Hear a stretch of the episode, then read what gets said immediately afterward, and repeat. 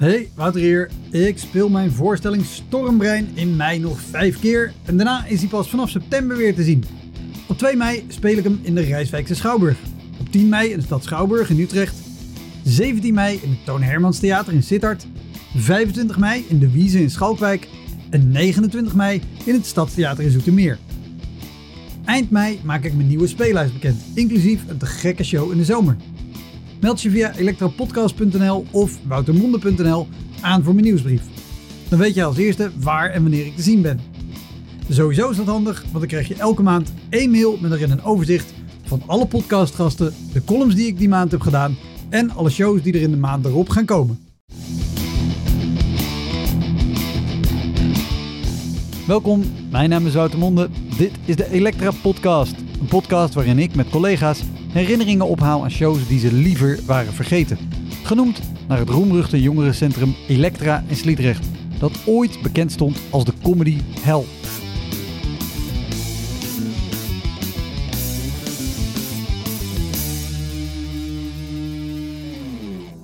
Deze keer en volgende keer is mijn gast Kees Toorn, cabaretier in Rusten. Opdat het nageslacht straks niet denken dat ik een leventje heb geleid dat over rozen gaat, wil ik even boekstaven dat het gisteren een kutdag was. Het mag dan als een uitzonderlijk plezierige bezigheid bekend staan, dat cabaret. Maar de enkele dieptepunten uit het leven van deze overigens succesvolle entertainer wil ik het nageslacht niet onthouden. Kees heeft ruim 20 jaar getoerd met avondvullende shows. Tegenwoordig brengt hij zijn tijd door met het corresponderen met vrienden en natuurlijk met José, zijn vrouw. We namen samen al lang op en Kees vertelde over van alles wat er mis is gegaan in zijn carrière. Sommige dingen beschreef hij al in brieven die hij stuurde aan vrienden en daar leest hij ook uit voor. Ik heb de opname verdeeld over twee afleveringen. Voor de crewmembers, de vaste donateurs dus, staan allebei die delen nu al online. Er staat zelfs een korte proloog bij. Wil je de show steunen en ook toegang tot dit en ander bonusmateriaal? Kijk dan op elektrapodcast.nl. Op 5 mei 2012 stopte Kees met optreden. Een paar jaar later was hij nog tijdelijk terug in een show samen met Onno Innemee. Hoe dat tot stand kwam en vooral ook ten onder ging, hoor je in deel 2. Vergeet niet om op deze podcast te abonneren in je podcast app, dan krijg je automatisch een melding als deel 2 straks online staat. Heel veel plezier! Dit is de Elektra Podcast met Kees Toorn.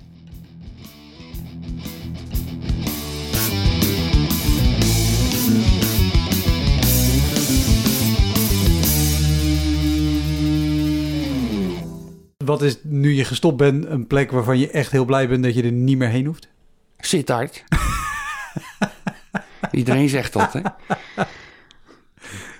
Eh, Niet per se Sittard, maar ik moet zeggen dat Limburg wel vaker al voorbij is gekomen. ja, heel Zuid-Limburg. Onder Venlo gaat het mis. waarom, waarom is dat? Heb je een idee? Nou ja, omdat Limburgers, eh, niet, dat zijn, die houden meer van carnaval. Die houden van een direct soort humor. Ik denk dat Hans Theo dit daar wel goed doet. Maar eh, de, de, de subtiele taal, daar zitten zij niet op te wachten. Dat is te Hollands. Zij hebben die, ja, die cultuur niet. Ja. Het is een ander eh, volk. Ja? Terwijl de notabene Toon Hermans natuurlijk uit Sittard komt. Nou, dat is een goed voorbeeld. Maar dit is ook Dat inderdaad... is een clown. Ja, ja, dat is waar. Dat is geen cabaretier. Nee. Maar de, de, de traditie van dat cabaret, die heeft daar nooit de poot aan de grond gekregen.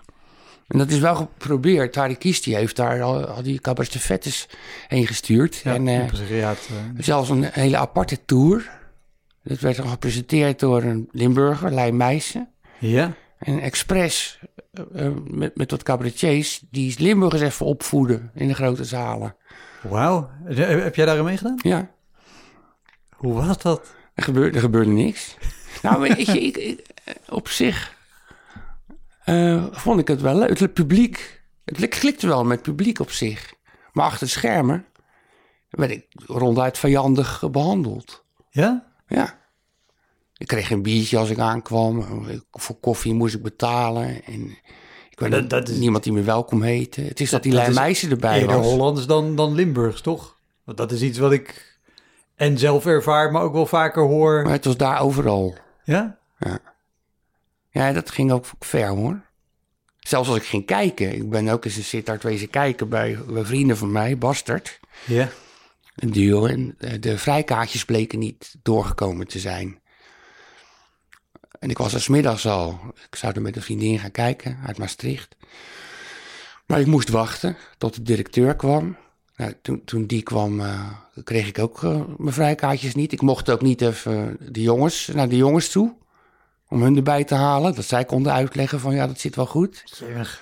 En uiteindelijk eh, stonden de directeur en nog twee mensen van de directie wijdbeens de toegang te versperren. Dat meen je niet. Echt waar? dat we niet stiekem naar binnen zouden glippen. Tot het zaallicht al uitging en toen met een knikje van vooruit dan maar. Nou, Moest, ja. moest in het donker nog een plekje zien te vinden. Wat bizar. En ik trad niet eens op.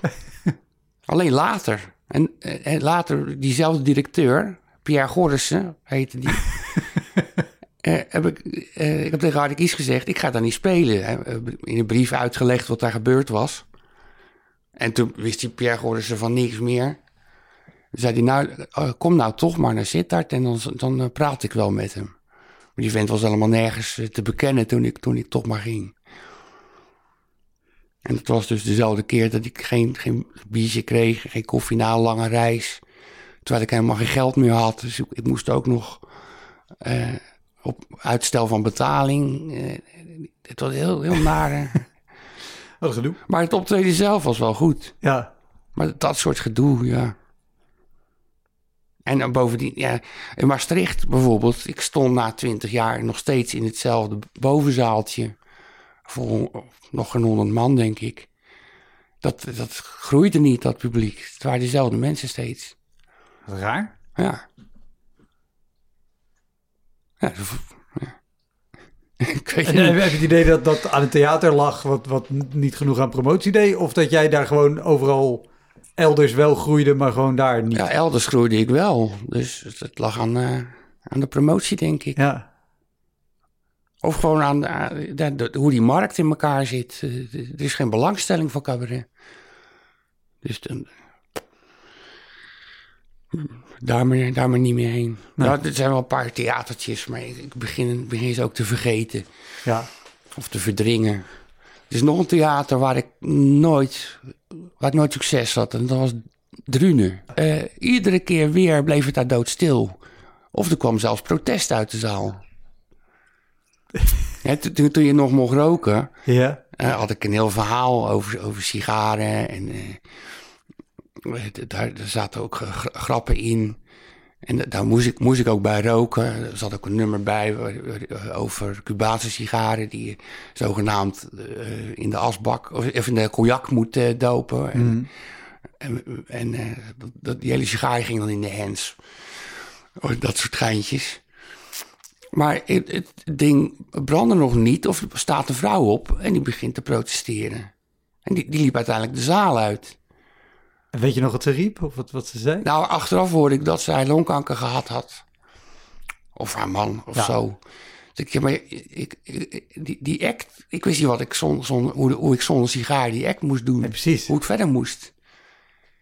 En, En dan ook bovendien, ze zat hartstikke ver weg. Ja, en dan, eh, ik als dat je, je voorgeschiedenis is, dat je dan het niet naar je zin hebt in, in een kroeg waar volop gerookt wordt, dat snap ik. Maar één iemand met één sigaar op een podium, Ja, dat waar het gewoon bij de voorstelling hoort. Ik heb nog sterker meegemaakt. In de, het eerste theater waar het absoluut niet meer mocht, was eh, de Utrechtse Schouwburg. Of heet dat ding? Stad Stad Schouwburg. Schouwburg. Ja. En eh, ik had in dat programma eh, mijn eigen rookcabine. ja. Met, die werkte ook. Er Ja, zat een weet je- hele lange slang aan met een turbine. Ja, want, want voor de mensen die de show... Want ik zeg ja, want ik heb de show gezien. Maar dat was een soort... eh, Zo'n zo'n kleine kas, zeg maar, met afzuiging. Klein. Wat klein. Was gewoon zo groot als een bushalte. Ja, oké. ik, ik ben net via het Westland ongeveer hierheen gekomen. Maar inderdaad, eh, zo- zo'n soort bushalte. Echt zo'n rookhok zoals je hem Oh, op een kantoor kan hebben. Ja, Ah ja. Ja. Ja, en, en daar kon je ook in zitten. En Ja, een ja, bakje erin en zo, en een lampje. en, eh, dat was heel gezellig. En dat ding stond op wielen, dus dat trok ik op een gegeven moment uit de coulissen. En dan ging ik erin staan.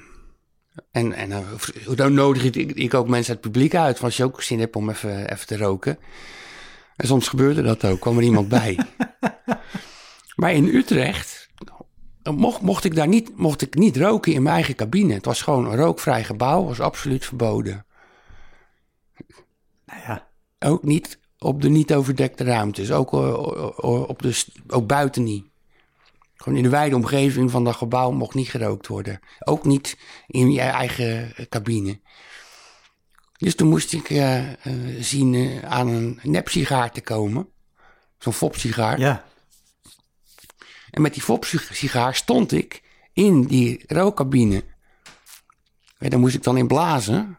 En er kwam er poeier uit en het leek op rook.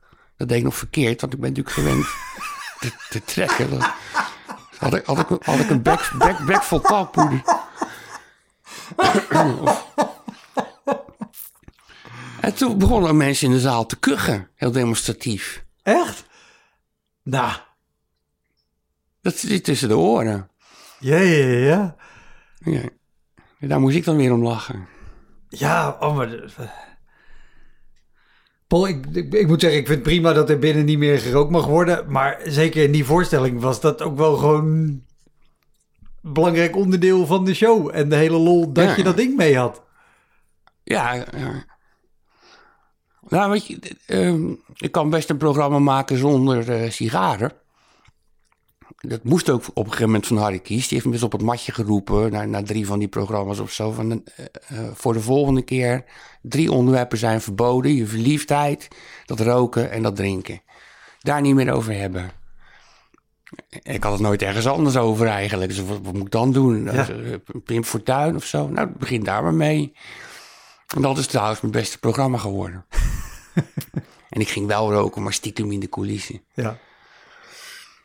Ehm, maar ik heb er last van ook voor aanvang. Want ik time met een sigaar. Ik had altijd dezelfde modelletjes. En ik, die, die duurde precies een half uur. Dus een half uur voor aanvang stak ik zo'n sigaartje op. En wist ik hoe laat het was. Hè? Dus dan begon ik me om te kleden en me een beetje voor te bereiden. Het hielp me te- te concentreren. Ja. En langzaam naar die naar kwart over acht toe te, te leven.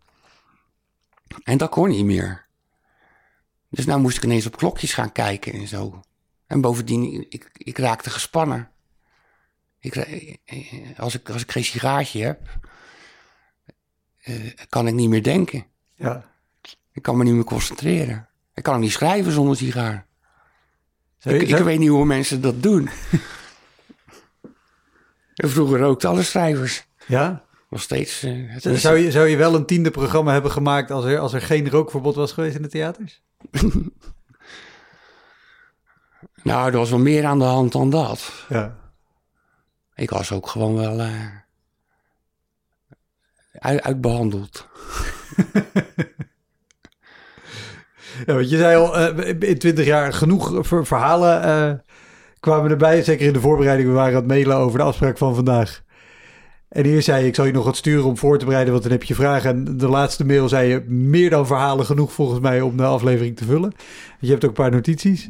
Heb je er één dat je zegt, oh, die, die moeten we gewoon... eh, Zal ik een stukje uit, Ja? uit zo'n brief voorlezen? Oh ja, te gek. is- Ja, ja, ja.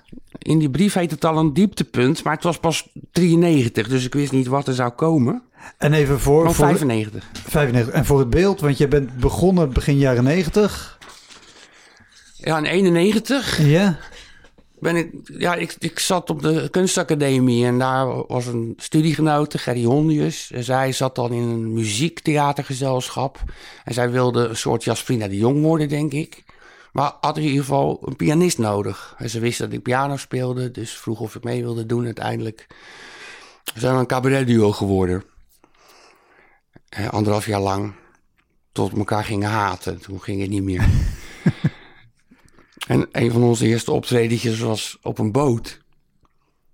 En daar was geen piano en daar was geen versterking. En dat sloeg En, en, helemaal en wat, voor, wat voor boot hebben we het over? Een soort rondvaartboot langs de kust. Met allemaal dichters erop.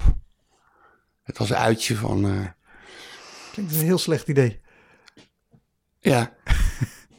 nou, dat, dat- we hadden natuurlijk gewoon moeten zeggen... Ja, we kunnen hier toch niet optreden? Gewoon op het dek. En geen piano voor jou En geen pianist. piano. Dus we deden maar zonder piano dan. We moesten het, eh. En toen stond er ook nog even later een, rec- rec- een recensie over dat optreden in de krant. Weet Er was, er was een journalist op die boot. En die, die heeft dat gewoon... eh, eh, Die, heeft ons natuurlijk de grond ingeschreven. Ja, ja, ja. We- Weet je nog wat ze, wat ze schreven? Ja, Theo Maas heeft het gebruikt in zijn aankondiging van ons aan het eh, Groningen Studentencabaret Festival. Eh, iets met. Ja, dat is, we alles aan deden om ons gebrek aan talent te verhullen. ik weet niet precies meer, ik ben het kwijt. Maar het was niet best. Maar, dat was onze eerste recensie.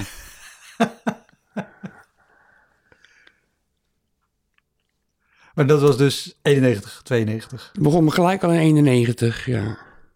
Met dat soort misboekingen. Ja. Ja, maar met haar heb ik wel meer gedonder gehad. We traden ze op een Augustinus in Leiden. En eh, een, een van de grappen was dat ik een sigaartje pakte, hè, toen al. En om een, een aansteker vroeg uit de zaal. En dan kreeg ik die aansteker en die, en die, die stopte ik dan in een, eh, in een eh, doorzichtige zak vol aanstekers. Bedankt. Zonder die sigaar aan te steken. maar eh, Gerry werd kwaad na afloop omdat ik te zachtjes om die aansteker vroeg. En ik legde uit van ja, maar als, als de achterste rij het hoort en iemand gooit een zippo naar mijn kop. Weet je, ze snappen de grap heus wel. Ja, ja, ja. En toen werd ze zo pissig dat ze een glazen fles naar, naar mijn kop smeet ook nog. ze was hartstikke eh, agressief. Ongevaarlijk. Dus eh, achter de schermen ging het ook nog eens eh, mis. ja. En jullie hebben anderhalf jaar lang samengespeeld. Desondanks, ja. Ja. En, eh, sorry, weet je wilde wat gaan voorlezen, maar komen op, een- op een ander spoor, maar dat maakt niet uit. Eh, en dat doe ik zelf. Eh, in 94 deed je mee aan Leids Cabaret Festival, maar je was opgegeven door Onno Innemee. Ja, ja.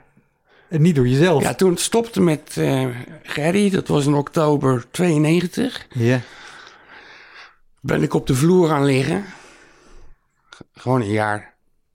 En ik had absoluut geen zin om het in mijn eentje te doen. Dat heb ik nog wel een keer geprobeerd. Ik kreeg een tip van eh, een beginnende cabaretier die aan, aan kameretten mee had gedaan. Jeroen Engel heette die. En die had een... Die was gevraagd, maar kon niet. Voor een optredentje eh, voor eh, de Rabobank. In Utrecht, in dat Rabobankgebouw. Ja. Vlak, vlak bij het station. Ja. Nou, laat maar proberen. En dat, eh, dat gebeurde dan overdag in een, in een eh, ondergronds eh, kantineachtige ruimte met TL-licht. En staande stoeltjes, losse stoeltjes. Ja. Mensen kwamen net binnen druppelen. De deuren bleven gewoon open van, van die zaal. Nou, dan moest ik me maar zien te redden. En nou, het was, was een beetje chaotisch. Want, want dit En was na op- dat anderhalf Op een jaar. gegeven moment begonnen mensen weg te druppelen. en na een kwartier zat ik gewoon met een handjevol mensen nog. eh, die, die gingen ook maar. En wat bleek nou? In een andere zaal stond André Hazes. Die begon dan een half uurtje later. Dus daar gingen de mensen toch maar heen. Die kwamen even kijken wat hier te doen was. ja, ja, ja. Dat was mijn eerste solo-ervaring. niet erg bemoedigend. dus ik dacht, nee, ik heb toch iemand nodig. Maar ik kon niemand vinden. Ik kende ook nog niet zoveel mensen. Ik heb het nog geprobeerd met een vriendin. En toen wou ik dat zij eh, ook schreef. En toen kwam ze met een stuk aan. De Stille Zot heette dat. Daar zat geen grap in. Dat was zo zwaar. En dat hebben we toch twee keer gespeeld. Oh, wacht even, want je zei een stuk. andere- Ik, ik dacht één, één tekst, maar gewoon Ja, een heel tekst. programma.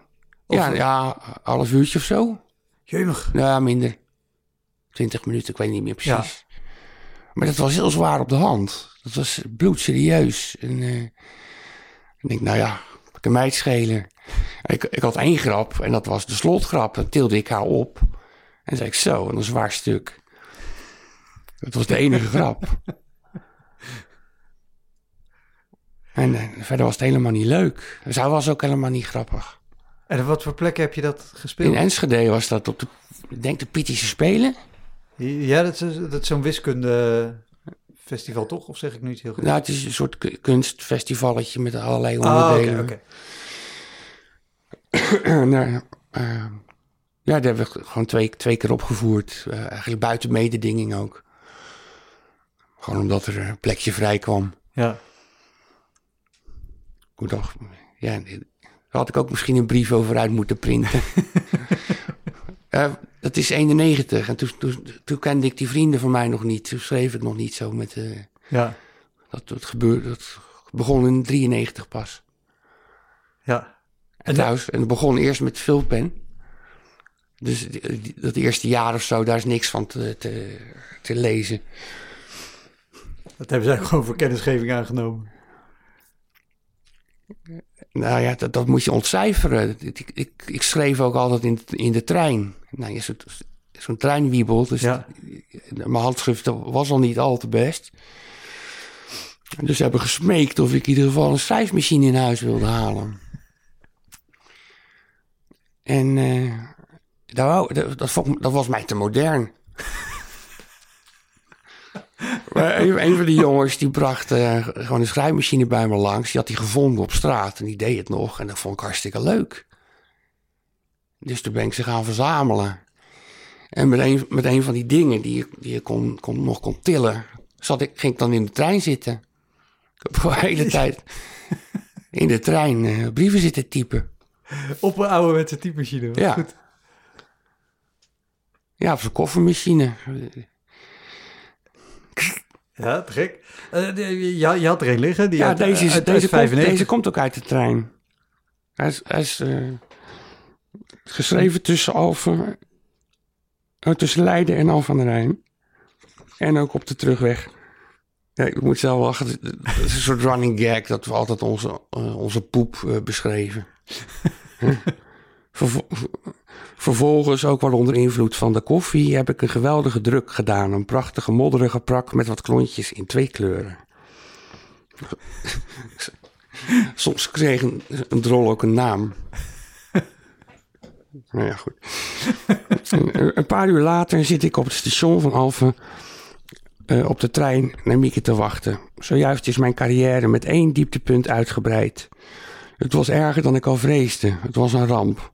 Gedurende de 40 minuten die ik naar ik schat op het podium in het Archeon heb doorgebracht, stond ik voortdurend op het punt om af te haken. De groep, personeel van het Elisabeth ziekenhuis in Leiden-dorp, was verdeeld over een stuk of twintig tafels en bleef rustig doorconverseren. Vooraan zaten er een paar af en toe naar mij, eh, die naar me keken. En verder was het een grote bierkaai. Niet, niet tegenop te vechten. Mijn verwachtingen waren niet positief, maar nog viel het tegen. Dit sloeg alles. Geen enkele aandacht, behalve van het wijf dat mij had omgepraat. Ik was geboekt. Dat had genoten, zei het na afloop, toen ik de tranen nabij afdroop. Het publiek had niet eens in de gaten dat ik al weg was. Weer honderd mensen die niet weten hoe leuk ik ben.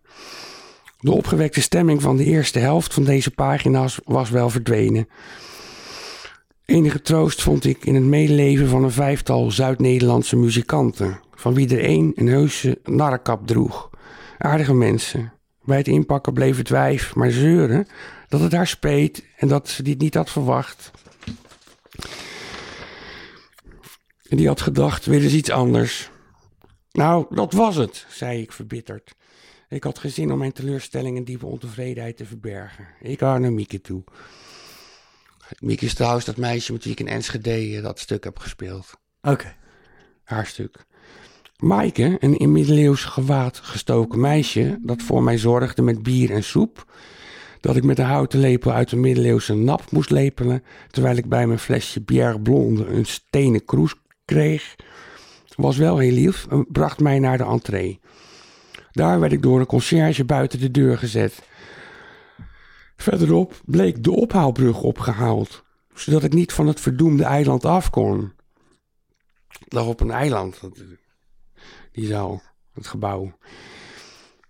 Vermoedelijk was er een andere weg, namelijk die welke automobilisten af moeten leggen. Een paar kilometer om, natuurlijk. Een ringweg om de helft van de stad heen, zonder trottoir en nergens bordjes, station 2 kilometer. Alleen op de parkeerplaats was het niet overzien. Wel stond daar een telefooncel van waar ik naar Leiden belde met Mieke.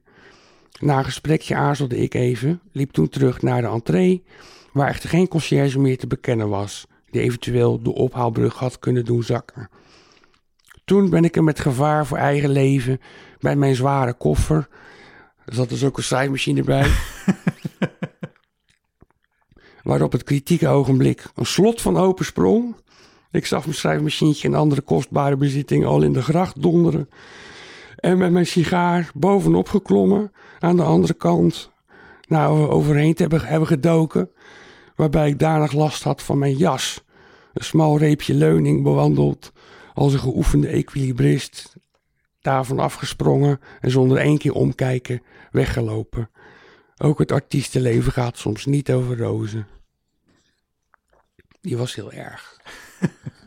het optreden zelf, maar ook Ja. dat, dat je ineens... Dat je, dat je niet weg kan. Dat je niet weg... Dat je niet van dat trein kan komen.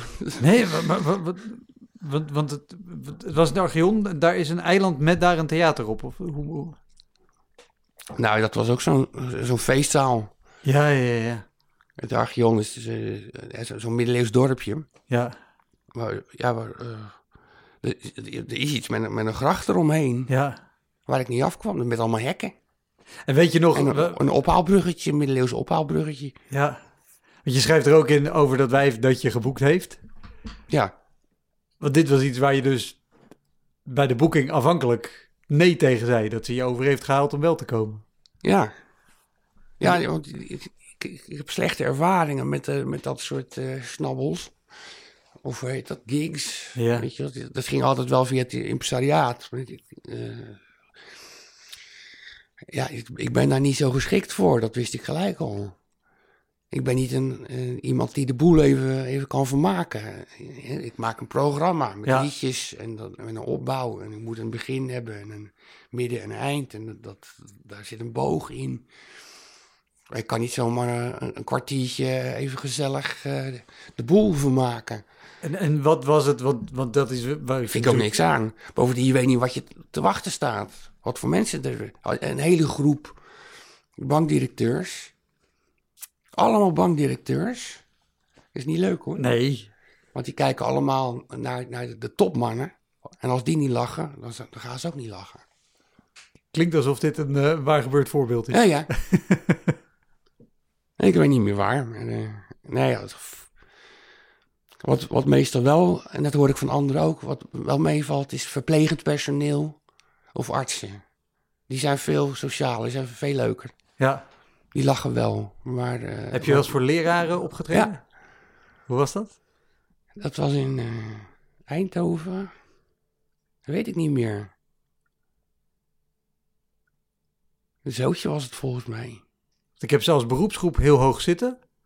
Ja? Maar als, als publiek vind ik ze verschrikkelijk. Het zal wel verschrikkelijk zijn geweest. Er is altijd iets bij leraren als die bij een, bij een optreden zijn... dat ze denken, oké, nu, Ja, nu mogen ook, wij een keer los en er doorheen het praten. is maar een vermoeden, maar eh, leraren die voelen zichzelf soms ook half artiesten. Hè? Die staan toch ook voor de klas. Ja, En, en die moeten toch ook eh, amuseren en de aandacht eh, houden en zo. Dus je zit er te kijken. Ja, maar dit kan ik toch ook. Hè, dit, dit- ja. Eigenlijk, hè. Dus die, die, die zijn niet zo gauw onder de indruk. Ja, zo. Ja, dat zou ook wel kunnen. Dat ze er snel doorheen prikken. Ze hebben geen respect. Ze- Ja, ze hadden dat eigenlijk ook gewild. Ze hadden dat zelf gewild. Dus Ja. ze zijn we eerder jaloers of zo. Vermoed ik. Zou goed kunnen. Hoi, Wouter hier. Luister je vaker Elektra? Dan is het een goed idee om crewmember te worden. Je doneert dan automatisch elke maand een klein bedrag en in ruil daarvoor krijg je extra afleveringen, consumptiebonnen om in te wisselen als je eens live bij mij komt kijken en je krijgt een unieke link waarmee je voortaan de podcast luistert zonder dat ik halverwege onderbreek om te vragen of je crewmember wil worden. Zoals nu. Dus, word crewmember. Dat kan al vanaf 1 euro per maand. In de omschrijving van deze aflevering vind je een linkje voor meer informatie. Oké, snel weer terug. Heb je shows gehad waar waar je echt moeite moest doen om, nou niet zozeer orde te houden, maar om, om het publiek te Nou, nou, en of. De eerste keer was dat ook. Met Gerry moesten we drie keer optreden voor, ki- voor kinderen. In welke leeftijd? Nou, on- onder de tien. en dat was ook een misboeking. we dachten scholieren of zo, maar dit waren echt kleintjes. Ja, En we hadden nogal schunnige nummers. Het het was een volwassen programma. Ook wel, want wij, we dachten, we, hebben genoeg slapstick en onzin. We kunnen, dat, het was niet zo lang, een kwartiertje of zo, eh, eh, kunnen we wel vullen. Maar het moest drie keer. Maar ja, er zat ook een grap in, maar ook weer met een sigaar. En al die kinderen eh, begonnen natuurlijk massaal te hoesten en hielden niet meer op. Dus daar, daar was ook niet tegenop te, te spelen.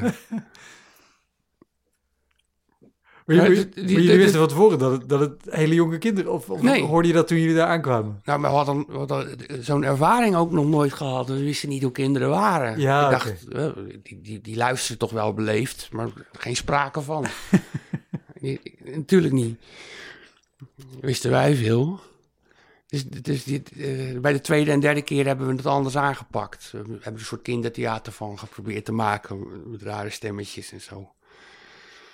Maar mijn hoofd probeert nu iets te maken van Kees Toorn die een kindervoorstelling maakt. Dat ziet er heel gek uit. Erger is het tegenovergestelde, want ik heb ook voor studenten gestaan in Meppel van de MBO of, of een technische school, iets. Oh, die reageerde helemaal. na- Dat was een hele volle. Nou, het was in, in, die, in die Schouwburg, in de grote zaal, die zat vol Ja. met studenten met, met, of, of leerlingen. Of, en die, eh, die, die begonnen ineens te applaudisseren als ik de coulissen inging. Ik ging af toe de coulissen in om iets te pakken. En dan, als ik weg was, dan gingen ze applaudisseren. Terwijl ik alleen maar even iets ging pakken. dus toen kwam ik terug. En, en werd het weer stil. Maar die snapte er gewoon helemaal niks van. Was doodstil. Maar dit heb ik ook eens gehad in, in Zevenaar in de Bommersheuf. En dat was tijdens zo'n zo'n cabaret 700 man. Dat- En dat reageerde ook allemaal niet. Dat is ook gek. 700 mensen. Ja. En geen geluid. En oh, dan sta je op dat grote podium. En ik had, dat was mijn eerste programma. Daar had ik een act in. Een beetje afgekeken van Tony Hermans met zijn tennisracket. Dat Johnny zijn tennisracket moet halen. En dan gaat hij gewoon een beetje ijsberen. Ja. Ik dacht, oh, dat kan blijkbaar. En, en ik had dat al- een beetje anders. Ik had een goocheltruc. Ik deed twee goocheltrucjes, grapjes. En er was één truc. Dat ik, eh, van, ik heb hier eh, een glas eh spa rood. Schonk, schonk ik uit een flesje spa rood eh, een glas vol. Ja. Met ijs haalde ik uit mijn zak twee ijsklontjes. En dat ga ik voor uw ogen omtoveren in een glas spa blauw zonder ijs. en dan gaf, ik- gaf ik er een lel op met, met mijn goochelstaf. En dan ging ik gewoon staan wachten. en dan kwam er nog even zo'n zo'n lauw goochelmuziekje. Maar dat moest voor mij ook uit. En normaal werd dat steeds grappiger. Hoe langer dat duurde, Ja. hoe meer spanning er ontstond. En als, het, als, als lach weer verstierf, dan roerde ik er even in. Of ik gaf nog een lel. Of, Dat Even- dat kon, kon ik enorm lang eh, rekken. Maar in Zevenaar gebeurde er helemaal niks. Dus ik stond daar maar. Oh, maar En, eh, en ik ben in slaap gevallen. serieus. Ik ben in mijn eigen programma gewoon rechtop in slaap gevallen. Ik werd op een gegeven moment eh, wakker. Die- Ja, die bakken zijn helemaal donker. Je, ziet, je, je hebt natuurlijk altijd al die lampen. En ik, ik wist niet waar ik was. Ik dacht, waar- waar ben ik? En het duurde even voordat ik me realiseerde dat ik op een podium... En ik, oh ja. Ik weet niet hoe lang dat geduurd heeft. Het zal wel geen minuten zijn geweest. Maar ik was echt even... Wauw, wat bizar. En, en, maar hoe, hoe, hoe ben je uit dit nummer vertrokken, zeg maar? Want het is natuurlijk ook heel knullig dat je dan... Ik, eh, ik heb het gewoon afgemaakt. Ik kan het wel verklappen. Dat, dat flesje, dat zet, zet ik dus op een tafeltje terug. Er zat een etiketje op, hè, met spa rood. Ja. En als niemand op, eh, oplette, dan draaide ik het om. En daar zat een etiketje spa blauw. Hè? Dat Ja. is gewoon hetzelfde flesje, Ja, ja, maar met twee etiketjes erop. Dus dat kon ik heel snel omdraaien. En eh, daar kreeg ik dan applaus voor. Normaal. Maar daar ook niet, gok ik. Het zal wel niet. Als ze er nog zaten, want het, Oh, maar ook... Hoe, hoe pijnlijk is het als er 700 man niet lachen? Want normaal is het voordeel van zo'n grote zaal... Ook al doe je een grap waar, die maar 10% van de mensen leuk vindt... dan Mhm. lacht er alsnog 70 man. Het zou veel makkelijker moeten zijn. Ja. Maar orde houden, ja, dat heb ik ook wel eh, bij studentenverenigingen bijvoorbeeld. Een hele erge was in de bunker eh, in Eindhoven ook weer. Het zit aan de andere kant van het station. Is een heel lelijk betonnen gebouw. En daar Ja. moest ik optreden voor uitsluitend dames. Van een studentenvereniging. Ja, ja, ja. Ik weet niet hoe die vereniging heette, maar daar, daar is niet tegenop te spelen ook. Het, dat is denk ik nog erger dan kinderen. Want, want die gaan echt de boel zitten saboteren. Ja, Die, die gaan echt vervelend zitten doen. En, en was, het, was het jouw impresariaat wat jij ja zei op dit soort klussen? Ja, ja, ja. Nou ja, ze stelde, ze legde me, me, me, me voor. Ik had in het begin eh, eh, werd ik altijd gebeld eh, door, door Ria. En eh, als ik niet meteen ja zei, dan zei ze, maar niet doen hè. Oh, Ik zeg het wel af. Vindt wel iemand anders. Eh, maar later eh, is iemand anders dat werk gaan doen. En, en die stond aan, die wilde me verkopen. Die wilde de geld Ja, binnenhalen, die Nou ja, opdrachten dat binnenhalen. is natuurlijk wat een impresariaat doet. Dus die stond aan de, kant van, aan de kant van de opdrachtgevers, van de aanvragers. Dus die, die probeerden mij om te lullen. En eh, dus toen kwam ik in heel nare situaties terecht. Oh ja. Dat gebeurde het e- eerder ook wel eens, maar dan was het per ongeluk. Je neemt natuurlijk wel een risico. Ja. En, Nou ja, het, het, is daarom dat ik het vraag. Als je al als eerste solo optreden zo'n ervaring bij, de- bij de Rabobank hebt en dan later... dan zeg je nooit meer. Nee, precies. Of je wordt in ieder geval veel voorzichtiger in waar je, waar je ja of nee op zegt. Ja. Ja, ik vind het moeilijk, om, om- omdat ik niet altijd kon inschatten eh, wat het zou worden. Ik dacht, misschien wordt het wel hartstikke leuk. Ja, Kan ook hartstikke leuk zijn. ja, nou ja dat, dat- ik wou net zeggen, het gebeurt inderdaad. dat Sommige denkt, dingen klinken ook verschrikkelijk. leuk, hè? Ja, Ik, Ik bedoel, denk een, studentenvereniging met uitsluitend meiden. dat klinkt in principe... Nou. eh, Stuur mij maar. nou, die- nee, dat... eh, Ja, ik heb de details eh, verdrongen, maar ik zie ze nog voor me. Met die, met die kwaaie gezichten. Eh, Armen over elkaar. Gewoon, ze waren echt boos. Gewoon, en weet je waarom? omdat ik een man was. Ja, Ik denk het, weet ik veel. Dat is, die staat tegenover een kudde. Ja. Hè, nou ja, het, het, het kan dat je een verkeerde opmerking maakt of weet ik wat. Met, kudde koeien. als je dat ook letterlijk zo gezegd hebt, dan snap ik misschien waarom ze boos waren. Maar Nee, nee, nee. nee, nee, maar dat ook niet. De, daarom, Nou, ik had gewoon mijn eigen programma. ja, precies. Want dat, ik dat kreeg- kan ik me voorstellen, weet je, bij, bij meer stand-up comedians of mensen die heel veel improvisatie doen, dat die ergens de plank gewoon aan het begin of flink misslaan. Maar jij hebt inderdaad gewoon een vast programma met eh, gewoon leuke, Ja. goede liedjes. Ja, kon ik wel wat aanpassen en wat eh, improviseren. Ik ineens denken aan een keer in Rijswijk, dus, eh, op een school. Gewoon Een middelbare school, denk ik, dat het was. Dat was in, in een gymzaal.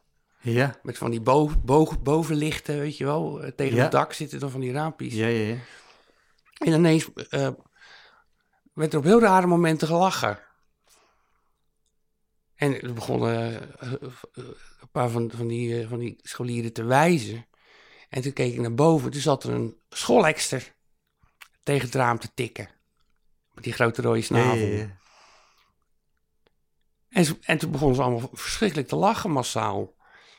En daar kwam, daar kwam ik niet meer bovenuit. En dus ik ging maar staan wachten tot die schoolekster wegging, maar die ging niet weg. En ze bleven het maar leuk vinden. Dus gewoon, de, de show werd gestolen door een vogel. Ja, ja, ja. En ik dacht, ja, wat doe ik eigenlijk nog? Maar ja, ze hadden hartstikke lol, dus mij maakte het ook niet uit. dus zo, eh, zo nauw luistert het eh, bij mijn eh, soort cabaret. Dat zodra een vogel tegen een ruit tikt, ben je aandacht kwijt. maar daar viel ook geen oor te houden natuurlijk. Ze zei, zij zijn met meer. Ja, En als ze eenmaal massaal de slappe lach krijgen, wat ik niet erg vond. nee, Maar, maar toch, het, het moet ook wel iets met je doen dat je denkt, ja, ik sta hier gewoon met allemaal goed geschreven materiaal. En er komt nu een schoolekster. Het is niet waar ik voor ik betaald eh, word. Precies. Ja, de- en ik had zo ook zoiets van, de show must go on. Weet je, ik, moet toch, hier ben ik voor gevraagd. Ja, Je probeert toch je, je programma te spelen en je geld eerlijk te verdienen. Maar soms gaat dat gewoon niet. nee, ja, en, en het risico. Nog een voorbeeld? Ja, waar ik nu aan denk. Voor mij is dat ook... Is dat te lang? we merken het vanzelf.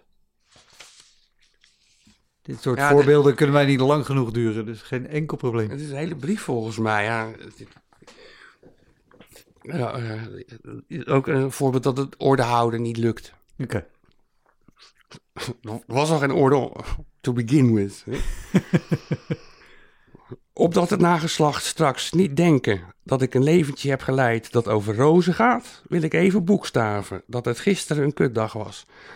Het mag dan als een uitzonderlijk plezierige bezigheid bekend staan, dat cabaret. Maar de enkele dieptepunten uit het leven van deze overigens succesvolle entertainer wil ik het nageslacht niet onthouden. Helemaal naar Hengelo moest ik, naar hetzelfde theater, café, waar ik vorig jaar met groot genoegen tot diep in de ochtend bleef bierenlieren met Anita en nog wat uitgelaten volk. De Kleine Kunst heet die tent, bestaat niet meer trouwens. Maar waar ik gisteren met een zware steen op mijn maag vandaan kwam, na een klein half, uur, half marteluurtje, op het podium tegen de bierkaai opgevochten te hebben. Ziet, gebruik, gebruik soms dezelfde woorden. Dus, ehm, dus ook een brief aan de andere vriend. Eh, een fiscaal rechercheur genaamd Hans Spies nam na 25 jaar dienstbetrekking afscheid en ik moest voor de vrolijke nood zorgen. Maar niemand had belangstelling voor de lul die op het zwak uitgelichte toneeltje voor paal stond. De bar bleef open en er werden zelfs, er werden zelfs drankjes rondgedeeld. Terwijl men onverstoorbaar doorkeuvelde. Een enkel lachje van iemand die even niet stond op te letten en per ongeluk een grapje van mij opving. Geen applausjes, geen aandacht. Wat voelde ik me naar? Het ging juist zo lekker de laatste tijd. Ik verloor zelfs mijn geduld en schreeuwde keihard in de microfoon dat het afgelopen moest zijn, want dat ik niet eens mezelf kon verstaan en dat het niet zo erg was, omdat ik al mijn teksten wel kende. Maar dat ik de ambtenaren aan de bar wel letterlijk verstond en dat dat bijzonder nadelig voor mijn humeur was. Een paar mensen vooraan begonnen om deze uitbarsting te klappen. Maar het applausje zette niet door. Zelfs aan het eind kwam er geen reactie. Met de moed, de wanhoop legde ik mijn been in mijn nek. En dat maakte indruk.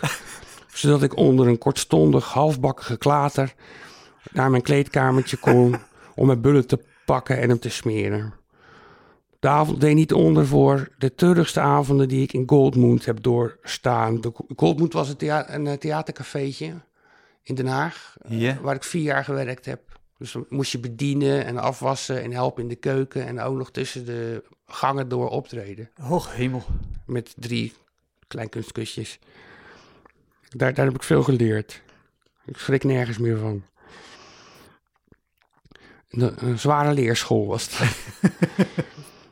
Ehm, En dat op mijn leeftijd. Tien uur heeft het mij gekost, waarvan vijf uur verloren ging aan wachten in Hengelo.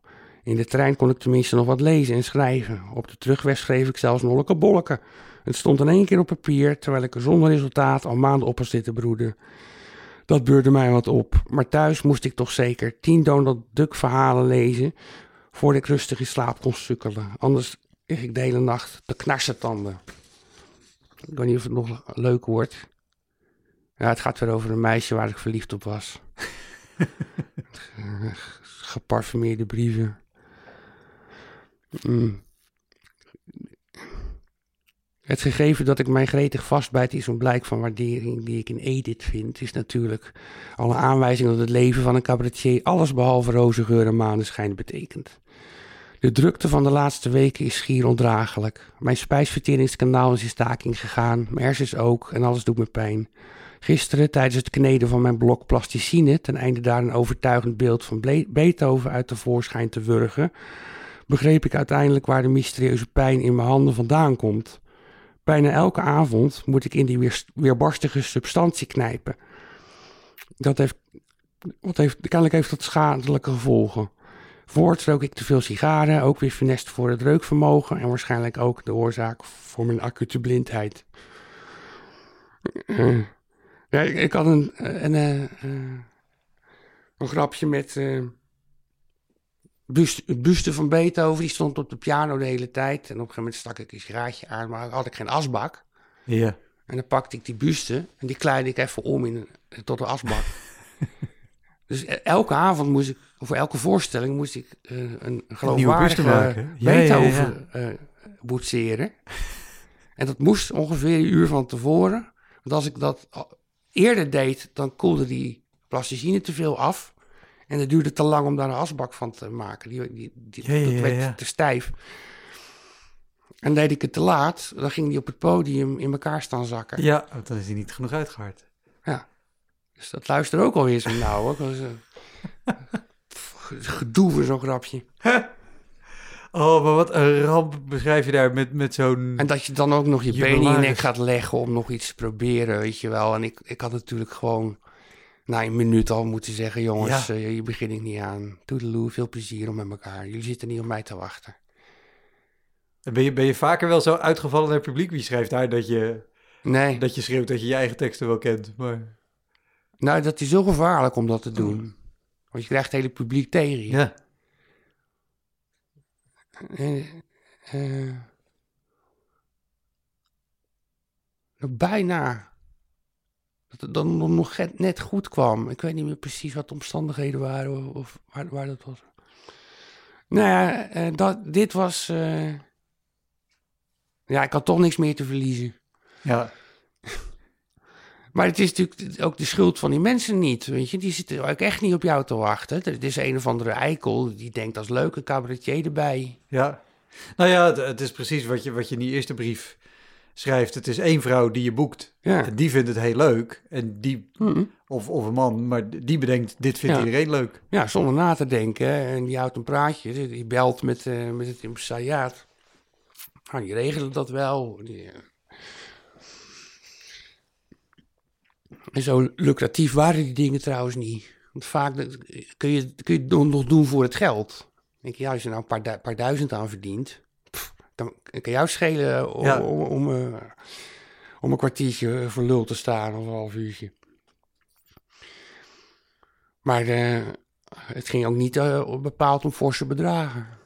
Nee, dat, dat is vaak de reden dat mensen het inderdaad doen. Van, ja, het betaalt in ieder geval goed. Dan maar ja. even tanden op elkaar en en erdoor.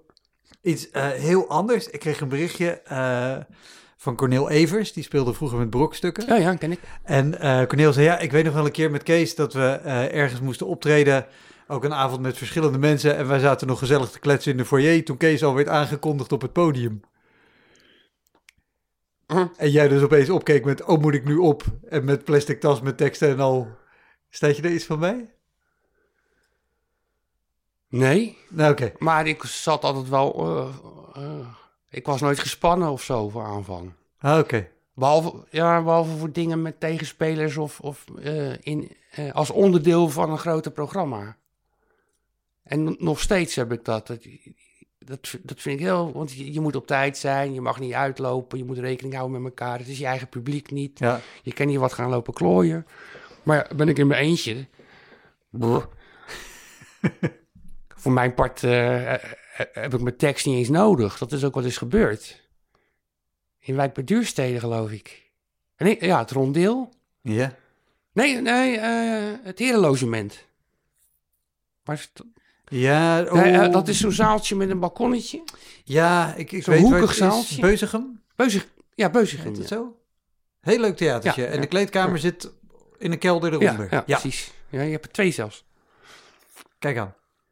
Ik, ik weet vooral dat er één in zat, omdat ik een keer daar speelde met, met een comedy show, dus met meerdere comedians. En wij zaten beneden gezellig te kletsen en hadden ons niet gerealiseerd hoe hard dat naar boven klinkt.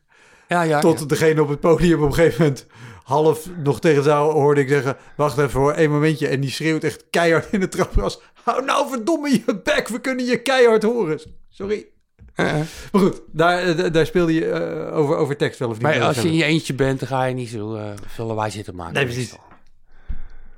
Je had toen ook nog geen mobieltjes, dus ik ging ook niet zitten bellen. Maar ik had dat programma over mijn verliefdheid. Ik had José net leren kennen. En, en, eh, ik schrijf altijd over wat mij bezighoudt. En dat Mm. was alleen jou, José nog maar. En het waren allemaal liefdesliedjes. En liefdes, het ging eigenlijk over mijn verliefdheid. Niet, Ja. zo, niet over José, maar over mij en mijn verliefdheid. Het, als, heel dichtbij op dat balkonnetje. Het, ongeveer zoals je in een kleine komedie ook hebt. Ja. Dus, dus zat een stel, eh, nog, niet zo oud, eh, jong, een jong, jongen en een meisje. En dat meisje begon te vragen, vindt ze jou ook leuk?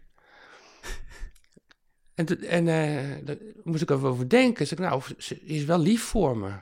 En de, ik raakte aan het praten met die twee. vanaf het podium. En heel lang.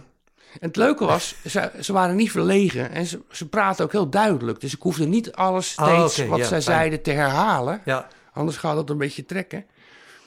Maar we, eh, ja, we hebben gewoon ge- heel gezellig een kwartier of zo staan, staan keuvelen. en het kostte niet zoveel tijd, want heel veel van mijn grappen kon ik gewoon kwijt in die dialoog, in Oh, die goed. conversatie. En het werd des te leuker, omdat Ja, ja, ze natuurlijk ter plekke bedacht leken. En eh, ik leek heel wat rem. En dat, dat, eh, dat, ja, voor mij was dat ook natuurlijk geinig, dat er weer eens iets anders gebeurde. En, Ja. eh, toen had ik dus in principe mijn tekst niet nodig. Dus, ja, ik weet, ik, ik, heb, ik heb die twintig liedjes nodig. Voor als er niks gebeurt, voor als je in Zevenaar staat. Of in, of in eh Drunen.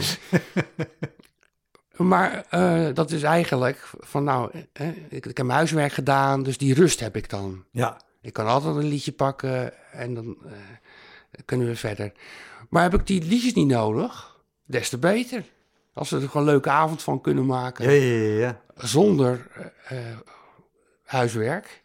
Graag. Ja, dan is het helemaal mooi. Ja, zo, zo belangrijk vind ik zo'n programma niet. het is geen literatuur. Nee.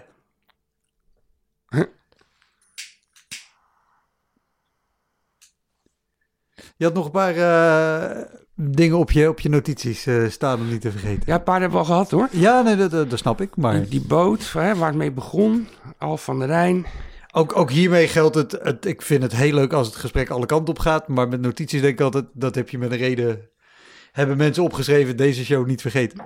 Ik heb er niet uitgewerkt. Nee, dat maakt niet uit. Engelo hebben gehad, Arlecchino Braken. Aan die kleine zaal van Zuidplein had ik, had ik een, een vrouw vooraan en die, die begon ineens te braken. Die, die kostte het hele podium onder, vlakke vloer. Ja, ja, ja want het, het, is nu verbouwd. Maar dat was een hele leuke halve ronde Ja, zaal. ja. Waar inderdaad... Wel moeilijk, zeker als je achter een vleugel zit. Want je zit altijd of met de kont van, van het instrument eh, naar Ja. mensen toe en je rug. Naar de, dus het is wel lastig om, qua positie, maar het is altijd hartstikke knus. Ja. ja, maar wel ook. Het Was. publiek zit daar letterlijk bij je op, op schoot ongeveer.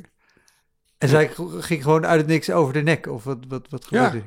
Nou, het was die act met die sigaar eh, die, waar ik eh, cognac over deed. En dat was geen cognac, het was, dat was eh, aanstekenvloeistof. Ja. Want ik eh, zou tegenwoordig ook niet meer mogen, denk ik. Nee. Dus die, steek, die steekvlam kwam en, en dat mens gooit de maag leeg. Dus- zei ik nog, ja, ik mag misschien af en toe eh, schelden op mijn publiek, maar het publiek kotst op mij. Of, of, of zoiets pitvonders. En toen hebben we, zijn we maar gaan, gaan pauzeren. Ja, oh, maar in zo'n klein zaaltje, Ja, dat, eh, dat, dat ruikt harder dan... dan nou, voor, je- voor je het weet zit de rest, de rest ook te kotsen. Ja, ja, ja. Dus toen zijn we maar even... Dus we hebben de pauze even naar voren geschoven. Niet dat het erg hielp, want na, na die pauze rook je het nog. Maar goed. maar dat, dat, dat was niet zo'n ramp. Wat we, eh, later weer een ramp werd. eh, eh, ik had een, va- een vast grapje. soms zitten de kinderen in de zaal. Hm. Eh, ik bedoel dan, dan niet dat, dat je een zaal voor kinderen hebt. maar Soms nemen mijn ouders Ja, dat je gewoon een veel te NSC jong hebt. kind mee. Ja, En dat had ik eens. En Ik, dus ik, ik vroeg aan dat kind, hoe oud ben jij? Negen. Oh ja. Dus tegenwoordig is een kaartje voor mijn voorstelling goedkoper dan oppas. Ja, En er werd enorm om gelachen. ja, ja, ja. Volgens mij heb ik die grap niet eens zelf bedacht, een keer gekregen. Maar eh, die, die gebruik je dan, hè? En, Ja. eh, toen kreeg ik later een brief van die moeder... dat het meisje helemaal overstuur was geraakt. Ze zijn ook in de pauze weggegaan. Dat, dat vond ze verschrikkelijk. Die hele zaal zat om haar te lachen. Zo Oh, dat. zo. Ja, ja, ja. En tussen die moeder en mij is bijna nog wat geworden ook. was een heel leuk mens. Ik ben hem natuurlijk gaan verontschuldigen. En nou, we zijn gaan bellen en we zijn dus gaan eten. En... Dus het is toch nog goed, goed gekomen, een soort van. Dat was hem, de Elektra Podcast. Meer informatie over mijn gast van vandaag en linkjes naar van alles en nog wat vind je in de omschrijving van deze aflevering. Er staan ongelooflijk veel afleveringen online van Elektra. En op elektrapodcast.nl kan je makkelijk zoeken op de naam van jouw favoriete comedians en cabaretiers. Je kan daar ook eenmalig doneren of crewmember worden. Als crewmember betaal je maandelijks een klein bedrag, maar dan krijg je ook nog eens bonusmateriaal. Je luistert voortaan zonder onderbrekingen en je krijgt consumptiebonnen die je kan inleveren bij een show van mij. Ik vind het sowieso te gek als je een keer komt kijken bij mij. Dus ga naar woutermonde.nl, daar zie je precies waar en wanneer ik optreed. Of meld je aan voor de nieuwsbrief, dan hou ik je op die manier op de hoogte. En dan nog iets, elke vrijdagmorgen doe ik een column op radiostation Kink. Je kan die column terugluisteren als podcast. Hij heet Kink op de Week en je vindt hem in de app waar je ook deze podcast luistert. Oké, tot de volgende Elektra. Hoi!